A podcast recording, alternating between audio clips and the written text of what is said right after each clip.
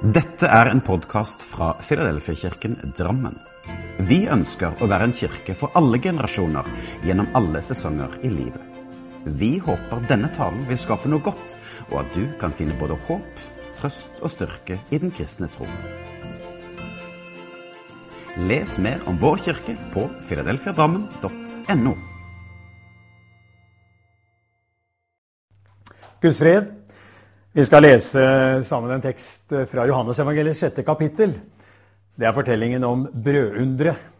Det er en fortelling som står i alle fire evangeliene, men vi leser fra Johannes sjette kapittel, femte vers i Jesu navn. Jesus løftet blikket og så at en stor folkemengde kom til ham. Han sa da til Philip, 'Hvor skal vi kjøpe brød, så alle disse kan få noe å spise?' Dette sa han for å prøve ham, for han visste selv hva han ville gjøre. Philip svarte, 'Brød for 200 denarer er ikke nok til at hver av dem kan få et lite stykke.' En annen av disiplene, Andreas, bror til Simon Peter, sa da til ham, 'Det er et barn her som har fem byggbrød og to fisker.' Men hva er det til så mange? Ja, hva er det til så mange? Har du tenkt en sånn tanke noen gang? Helt sikkert. Når problemene i familien tårner seg opp, når noen roper på deg fra alle kanter, når problemene i verden, urettferdigheten som du som et ansvarlig menneske opp, vet om, eh, blir uløselig, da er det som om kreftene, ressursene, bare ikke strekker til. Verken for deg eller for myndighetene mange ganger. Hva er det til så mange? På mandagskveldene så er jeg på et bønnemøte som eh, bl.a. til å be for seg selv og familien og sånn, er et bønnemøte for byen. og Da har vi utdelt bønneemner. Og da ber vi for politikerne, for helsevesenet, for skolevesenet, for, ja, for alle som er naturlig å be for. Og her en dag som jeg satt i bønn, så tillot jeg meg å tenke en tanke som man kanskje ikke bør tenke når man er innenfor Gud. Og det var tanken nytter det? Eller hva er dette til så mange? Behovene er så store. Og jeg syns mange ganger at det er så stor avstand mellom det vi ber om og det vi får, og mellom ideal og virkelighet. Jeg satt og formet en setning for meg sjøl. Jeg følte det som om å øse havet med en teskje. Og du vet, det nytter ikke. Hva er det så å bygge kirke? Er det å forsøke å øse havet med teskje, prøve å løse alle problemer ved å kristeliggjøre lovverk eller å kjempe for saker? Eller er det faktisk noe helt annet enn å øse havet med teskje? Jeg fant tre enkle punkter som jeg har lyst til å dele med deg. Punkt 1. Fra å øse til å plante et frø. For det er Bibelens prinsipp. Et frø er mye mindre enn en teskje. Men du kommer mye lenger fordi det handler om noe helt annet enn våre krefter og våre ressurser. Jesus sier i en lignelse himlenes rike er likt et sennepsfrø som en mann tok og sådde i åkeren sin. Det er mindre enn noe annet frø, men når det vokser opp, er det større enn hagevekstene og blir til et tre. Slik at fuglene under himmelen kommer og bygger rede i grenene. Mindre enn det er så lite at det forsvinner. Skal bli større enn. Det var fra Matteusevangeliet, og i Markusevangeliet forteller Jesus en litt annen versjon av nesten det samme. Han sier Guds rike er det som når en mann kaster såkorn i åkeren sin. Han sover og står opp natt og dag. Kornet spirer og vokser seg høyt. Hvordan det går til, vet han ikke. Av, av seg selv bærer jorden grøde. Først strå, så aks, og så fullmodent korn i akset. Av seg selv bærer jorden grøde. Det er det vakreste verset som enhver pastor vet om i Bibelen, og som enhver leder vet om. I hvert fall tanken på er det virkelig noe som går av seg selv.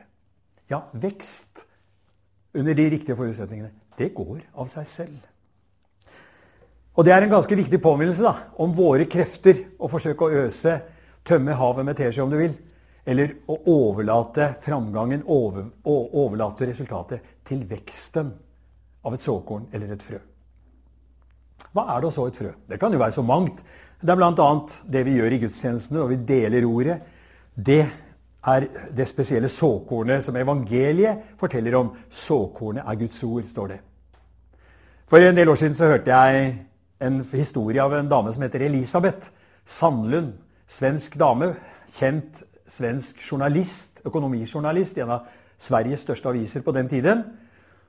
Og hun var ikke bare journalist, men hun var også ateist. Altså gudsfornekter overbevist gudsfornekter. Og hvis du skulle argumentere med Elisabeth og skulle forsøke med dine argumenter, så ville det også være som å øse havet med teskje. Du nådde ikke fram. Elisabeth har en datter som er psykisk utviklingshemmet. Og Det var den historien hun fortalte da jeg hørte vitnesbyrdet hennes. Denne datteren hun ville gjerne gå til kirkelig konfirmasjon. Og som den fordomsfrie, åpne, tolerante damen som Elisabeth var, selv om hun altså var ateist, så sa hun selvfølgelig, datteren min, jeg skal følge deg til, til konfirmasjonen. Og det gjorde hun. Så hun var der i kirken. En dag så er det nattvær i en av gudstjenestene som konfirmantene var på. Og Da prikker datteren bort til mammaen sin og så sier hun, 'Mamma, jeg vil fram'. Ja da, hun er fortsatt den åpne, tolerante, fordomsfrie damen, hun. Og som en god mor så følger hun datteren sin opp kirkegulvet fram til nattverdsbordet. Og det er da det hender, sier Elisabeth. Plutselig så forandrer noe seg inni henne. Det hun har holdt på avstand, som hun ikke har trodd på, som hun har vært argumentert sterkt imot, blir plutselig levende og sant. Og hun vet med seg selv 'jeg tror'. Og siden har hun vært en overbevist troende. I dag er hun redaktør i den svenske kristne dagsavisen Dagen. Hva skjer da? Hva er det for noe? kan man lure på. Jo, jeg tror det er såkorn som helt umerkelig har kommet inn i henne ved at hun har sittet der, holdt det på avstand, bekjent sin ikke-tro. Men det er noe med dette, dette budskapet. Og jeg er sikkert mange av dere som hører på, har lignende erfaringer og fortellinger. Det er jo sånn det skjer. Og så kan vi jo tenke med oss selv, da. Hvis du da er en troende, hvordan kom du til tro? Noen, eller, noen sådde et såkorn inn i livet ditt. Altså, fra å øse våre argumenter, våre mer eller mindre vellykkede forsøk, slitsomme forsøk, til det å våge å stole på et såkorn. Punkt to. Fra det lille til det store. Det er jo egentlig litt av det samme, da, men en liten variant her. Det gjør altså ikke noe om frøet er lite og uanselig, fordi det er liv i det. Det vokser. For ca. 2500 årtusen siden, altså 2000 år siden Jesus levde, ikke sant? og hvis du går 500 år før det igjen, så lå Israels rike i ruiner. De hadde vært store enda 500 år før, under en konge som het David og Salomo. Da bredte det seg ut og var kjempesvært. Men altså rundt år 500-600 før Kristus så ble alt ødelagt. For da kom verdensherskeren Nebukanesar. Han kom inn i Israel, ødela Jerusalem, reiv ned bymuren og tempelet og alt ligger i ruiner. Så tar han med seg en stor flokk og fører bort til sitt land, til Babylon. Og de folka som satt der, de opplever nå at alt nå bare er minner. Minner om en fordums storhet. Og det er mange av oss eh, som kan oppleve det selvfølgelig i livet også. Særlig vi som har blitt voksne og eldre. Vi kan tenke på en tid som ikke er lenger. Midt i dette så står profetene fram, og de profeterer positive budskap om en framtid som det er liv i. En av profetene het Jesaja. Og han sier i sin profetbok Men en kvist skal skyte opp fra Isais stubb, og et skudd fra hans røtter skal bære frukt. Isai, hvem er det? Jo, det er faren til kong David. Altså faren til han som var konge i storhetstiden, selve heltekongen i Israel. Men nå er det bare en stubbe igjen av det gamle riket. En stubbe, ikke sant, hvis du går i skauen og ser en stubbe, så vet du det sto en gang et tre her. Og hvis det er en stor stubbe, så ser du at det har stått et kjempesvært tre her. Men nå er det bare minnene tilbake. Det er mange av oss som har altså sånne historier i livet vårt. Bare en stubbe igjen av det som en gang var. Hva er det profeten sier? Denne stubben, om det så er en stubbe, sier han. Ja, den er avkortet, den er, det er sant, den vitner om noe som en gang var, men den er ikke død. Av denne stubben skal det spire opp en liten kvist. Det skal komme nytt liv. Og det holdt liv også i drømmen om noe som skulle komme for Israels folk. Jeremia, en av de andre profetene som opplevde denne bortføringen og var sammen med den og gråt mye over forfallet i Israel, han sier det på denne måten. Se, dager kommer, sier han. Da jeg vil, sier Herren, da jeg vil la det stå fram for David en rettferdig spire. Han skal regjere som konge og gå fram med visdom og gjøre rett og rettferdighet i landet. En liten kvist. Spire. Så kommer Israel etter hvert tilbake til landet sitt, til Jerusalem og der hvor tempelet en gang sto. Og så begynner de å bygge muren igjen, masse motstand. Og de begynner å bygge tempelet. Det blir bare en liten, bleik avskygning av det gamle, stolte tempelet som hadde vært fra Salomos tid. Og det står i Bibelen at når de unge så det nye tempelet, så jublet de, for nå hadde de endelig tempelet. Men de gamle de gråt, for de sammenligna med det gamle. Det var jo ingenting, dette nye. Men da står profeten Zakaria fram. Og han profeterer også. Og han sier det på denne måten. Så sier Herren, det skal komme en mann som heter Spire. Han skal spire fram av sin rot, og han skal bygge Herrens tempel. En kvist skal skyte opp. En spire skal komme. Det skal komme et nytt tempel. Det skal komme en ny tid. Hvem er denne spiren? Hvem tror du det er? Ja, Vi som er vant til å lese Bibelen, og som for ikke så mange måneder siden feiret jul Jeg tror vi kan være enige om at barnet som ble født i Betlehem, dette lille uanselige som kom, faktisk er denne spiren. Denne kvisten. David, nei, eh, Jesus var av Davids hus og ett, står det i juleevangeliet. Så Jesus, når han kommer, så er han oppfyllelsen av disse gamle profetordene. Og han, Vitnesbyrdet blir da det at selv om det så dødt ut, selv om det så ut som det var over, så kommer det noe bitte lite og vokser til noe veldig stort. Jesus sa det i lignelsen som vi leste i det første punktet. Et lite frø, så uanselig og lite at du kan blåse på det, forsvinner ut av hånden din. Det er mindre enn alle frø, men det blir til et stort tre. Det er Guds kirke på jord som Jesus vitner om der. Og det er dette på en måte som er evangeliets vitnesbyrd. Det fins noe som ser uanselig ut, som ser lite ut, men som faktisk skal bli større og større og større inntil det blir fullkommen når Jesus kommer tilbake. Jesus gikk omkring etter at han hadde vokst opp i en, også en bitte liten landsby. Han ble født i Betlehem, og så vokste han opp i Nasaret. Det var en totalt uinteressant landsby for jødene. Og så samler han en flokk mennesker rundt seg som stort sett er småkorsfolk. Folk som var foraktet, folk som var alminnelige eh, fiskere og bønder og tollere. Det ser ut som hele veien Jesus har sans for småkorsfolk. Alminnelige folk. Og han, beveger seg på en måte nedi der, blant de falne, blant de utstøtte. Og så gjør han noe med dem. Det er som han sår denne denne sæden, dette kornet, i mennesker én etter én. Og så skjer det noe med dem. Og han forkynner på en måte om kraften i det lille frøet. Jeg hørte en fortelling her for uh, forrige dag som grep meg veldig. Som jeg hadde hørt før, men så ble den repetert for meg. Om ei lita jente som heter Hattie. Hun uh, bodde i uh, Amerika, i en by som heter Philadelphia. I Pennsylvania, er vel det. Og det er rundt 1880 dette her. Lita, fattig jente setter seg på kjerketrappa utenfor en liten kirke og tør ikke gå inn. Hun hører sangen av barn og voksne der inne, men hun er så blyg, hun tør ikke gå inn. Så kommer pastoren forbi, og så ser han henne, og så får han en innskytelse.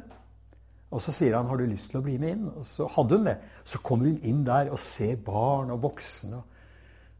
Og, og blir så glad for det hun ser, og så begynner hun å vanke der og være der blant disse menneskene. Hun var sykelig Hattie.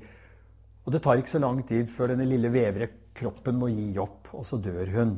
Og Familien har gledet seg over at hun har vært der, så de spør pastoren og kirka om de kan være med og hjelpe til i begravelsen, og det gjør de. Da de flytter denne lille vevre kroppen over i kista, så faller det ut en liten pung av klærne hennes. En liten portemonee. Og ut av den triller det noen mynter 57 cent teller de opp. Og en liten krøllete lapp. Og på den lappen så leser de Der står det disse pengene skal gå til å bygge en større kirke, så flere barn kan gå på søndagsskolen. Og det griper dem jo veldig. ikke sant? Hun har sikkert spart lenge for de 57 centene. Det er bare noen mynter. Så pastoren forteller dette i kommende gudstjeneste. Og det får en av lokalavisene i Philadelphia får, får uh, tak i den historien. Så de trykker den, og så er det en rik landeier som leser dette. Så det blir liksom sånn, sånn dominoeffekt. Og så kommer han til pastoren og til kirka og sier jeg vil gjerne hjelpe dere med en eiendom. Ja, men vi har ikke råd. Ja, men vi skal legge til rette så dere kan betale i rater. Og så gjør de det. Og det første avdraget, det var på 57 cent. I dag, om du drar til byen Philadelphia, så kan du komme forbi denne svære kirka som heter Temple Baptist Church, som tar 3300 mennesker. Og alle der vet hvordan det hele startet. En kirke som hjelper trengende, som, som det er i alle storbyer, med folk som er fattige. Svarte og hvite mennesker som eh, på begge sider av den skalaen kjemper for livet. Kirka er til hjelp, og alle vet hvordan det startet. Det begynte med lille Hattie. Og Det var dette Jesus forkynte. Det var dette han holdt på med. Det begynner i det lille, men det blir stort. Det er ikke sikkert vi ser det nå, men det er livets lov med frøet hos det som spirer og gror. Av og til har jeg tenkt at hvis jeg står på så krampa tar meg, og gir alle mine krefter, og øser med teskje og står på alt jeg kan, så vil kanskje Gud legge en glasur av velsignelse over til slutt. Altså med andre ord, Så kan vi misforstå og tenke hvis jeg gjør det store, gjør alt jeg kan, så kommer Gud og liksom legger eh, glasuren på av velsignelse. Men det er jo ikke sånn. Det er alltid han som gjør det største. Vi får gjøre vår lille del. Det som vår tekst handlet om, en liten gutt med en matpakke, det var jo ikke store greiene. Men så kom det i Jesu hender, og så velsignet han det. Hvis vi skjønte det, så kanskje vi slapp å slite oss ut. Nå mener ikke jeg å holde en liten preken her om unnfallenhet og latskap. Langt ifra. Selvsagt, selvsagt skal vi gjøre alt vi kan. Men det handler faktisk om å forstå prinsippene. At det er alltid Gud som gjør det store. Vår del er alltid den lille. Og det skal vokse seg stort. Det siste punktet mitt fra det indre til det ytre. Når Jesus møter Nikodemus, en lovlærd i Israel, så sier han sannelig den som ikke blir født på ny, kan ikke se Guds rike. Og Jeg snakket om bortføringen til Babylon i stad. Og faktum er at en av de andre profetene igjen, som het Esekiel, han forkynte akkurat det samme. Han sa noe som skulle skje med folket i fremtiden. Ikke bare at de skulle forholde seg til lovverk og til regler og alt det. Hør hva han sier. Jeg gir dem et nytt hjerte. En ny ånd gir jeg inni dere. Jeg tar steinhjertet ut fra kroppene deres og gir dere et kjøtthjerte isteden. Jeg gir min ånd i dere og gjør at dere følger forskriftene mine, holder lovene mine og lever etter dem. Det er det tredje prinsippet. Altså fra å øse med teskje til å så et frø. Fra det lille til det store, og nå fra det indre til det ytre. Fra det indre. Jeg mener, alle, All politikk, alle, alt vi holder på med, handler om å prøve å gjøre mennesker godt ved å forandre dem utenfra. Altså lovverket forandrer mennesker utenfra. Vi har regler, vi har forholdsregler vi skal forholde oss til å ta vare på og oppføre oss i henhold til. Jesu vei er annerledes. Han starter innenifra. Én for én av oss. Ikke kollektivt, men hver og en av oss. Det er en annerledes og kanskje også en mye tyngre vei. Men det er det han gjør. Her i sommer så satt jeg og så på sendingene fra Østerbo. Østerbo det er vårt evangeliesenter. Altså det som gjøres for narkomane og alkoholikere. Og det fins flere av dem utover landet. Uh, og det er mange som gjør noe lignende. Men akkurat denne sendingen var altså fra senteret nede ved Halden. Og det var sommerstevne. Og akkurat denne dagen, på det digitale sommerstevnet, så var det den videregående skolen som hadde, hadde, hadde dagen. Og det var rektor som sto fram først. Og det var en skikkelig kar vet du, med, med digre tatoveringer oppover armene. Og rektor fortalte at han har gått på gata han har vært en av, de fallen, en av de som har vært utstøtt, en av de lave, en av de som ikke har fikk det til. Og så kom det noe inn i livet hans og forvandlet han. Og nå er han også rektor på en videregående skole. Det er ganske heftig. Og så fortalte han følgende, og så sa han følgende Denne videregående skolen, sa han, Det er ikke noe lekevideregående skole. Det er en vanlig videregående skole. Så de som går her, som selvfølgelig er annerledes og eldre enn veldig mange andre videregående elever, de kommer fra gata. De har ligget i rennestein. Men de er her, og de får ordentlig utdannelse. De kan gå inn i yrkeslivet. De kan til og med gå inn i akademia og studere videre. Og Rett etterpå så kom hun på kokkelinja. og Hun hadde også svære tatoveringer. Og, og, så, og så vitnet hun om det samme. Jeg skjønte at hun hadde også vært en av disse jentene. Og når leder av kokkelinje og utdanner kokker og, og konditorer og, og jeg så noen av disse, disse som har vært helt nede, altså, og blitt forvandlet. Hun fortalte om noen av disse jentene som allerede hadde fått være med å servere til kongen og dronningen. Og jeg tenkte når jeg satt og så på, så tenkte jeg håper regjeringen ser på dette. Men det gjorde de selvfølgelig ikke. For dette forsvinner liksom bak alt annet som, som er viktig å gjøre. Men det jeg så, det er hvor viktig den indre forvandlingen er. Det at mennesker får en et, Ja, som profeten sa, bytta ut steinhjerte. Mange av disse ungdommene, eller unge voksne, de hadde jo virkelig et steinhjerte hadde opplevd misbruk som barn, opplevd steinharde forhold som barn. Og hvis ikke noe hadde skjedd med dem, ja, så ville de gått til grunne. Men det er tydelig at noe hadde skjedd. Og Jeg så det på vitnesbyrdene, så det i øya deres når de sto fram og vitnet. De hadde sannelig fått byttet ut steinhjertet med et levende kjøtthjerte. Et indre liv. Det var veldig fint å se. Og det var en oppmuntring til det budskapet som vi får lov til å dele.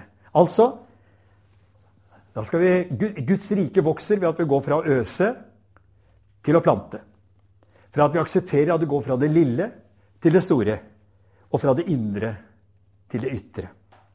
Å bygge Guds rike handler altså om å tenke helt motsatt av det som er vanlig. Og så må vi trene hele tiden. Det står en kjent fortelling som Jesus forteller om Martha og Maria. og Den, den, den viser litt av spenningen her mellom det å stå på med egne krefter og det å våge å overlate seg til Jesus. Martha nemlig, hun syntes at Maria var lat, og overlot hele arbeidet til henne. Og da sier jo Jesus til henne, 'Martha, Martha, du gjør deg strev og uro med mange ting, men ett er nødvendig, og Maria har valgt en gode del som ikke skal tas fra henne.' Så står vi der, da. Vi kommer til å streve. Vi er mennesker.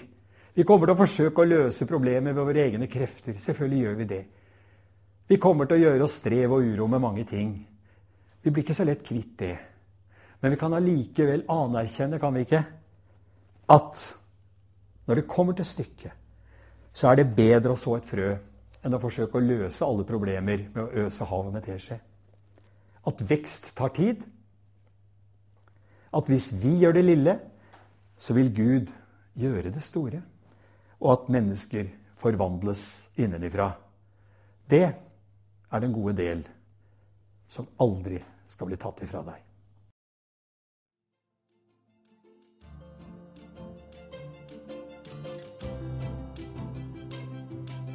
Som en avslutning på denne podkasten ønsker vi å lyse Herrens velsignelse over deg. Herren velsigne deg og bevare deg. Herren lar sitt ansikt lyse over deg og være deg nådig. Herren løfter sitt åsyn på deg og gir deg fred.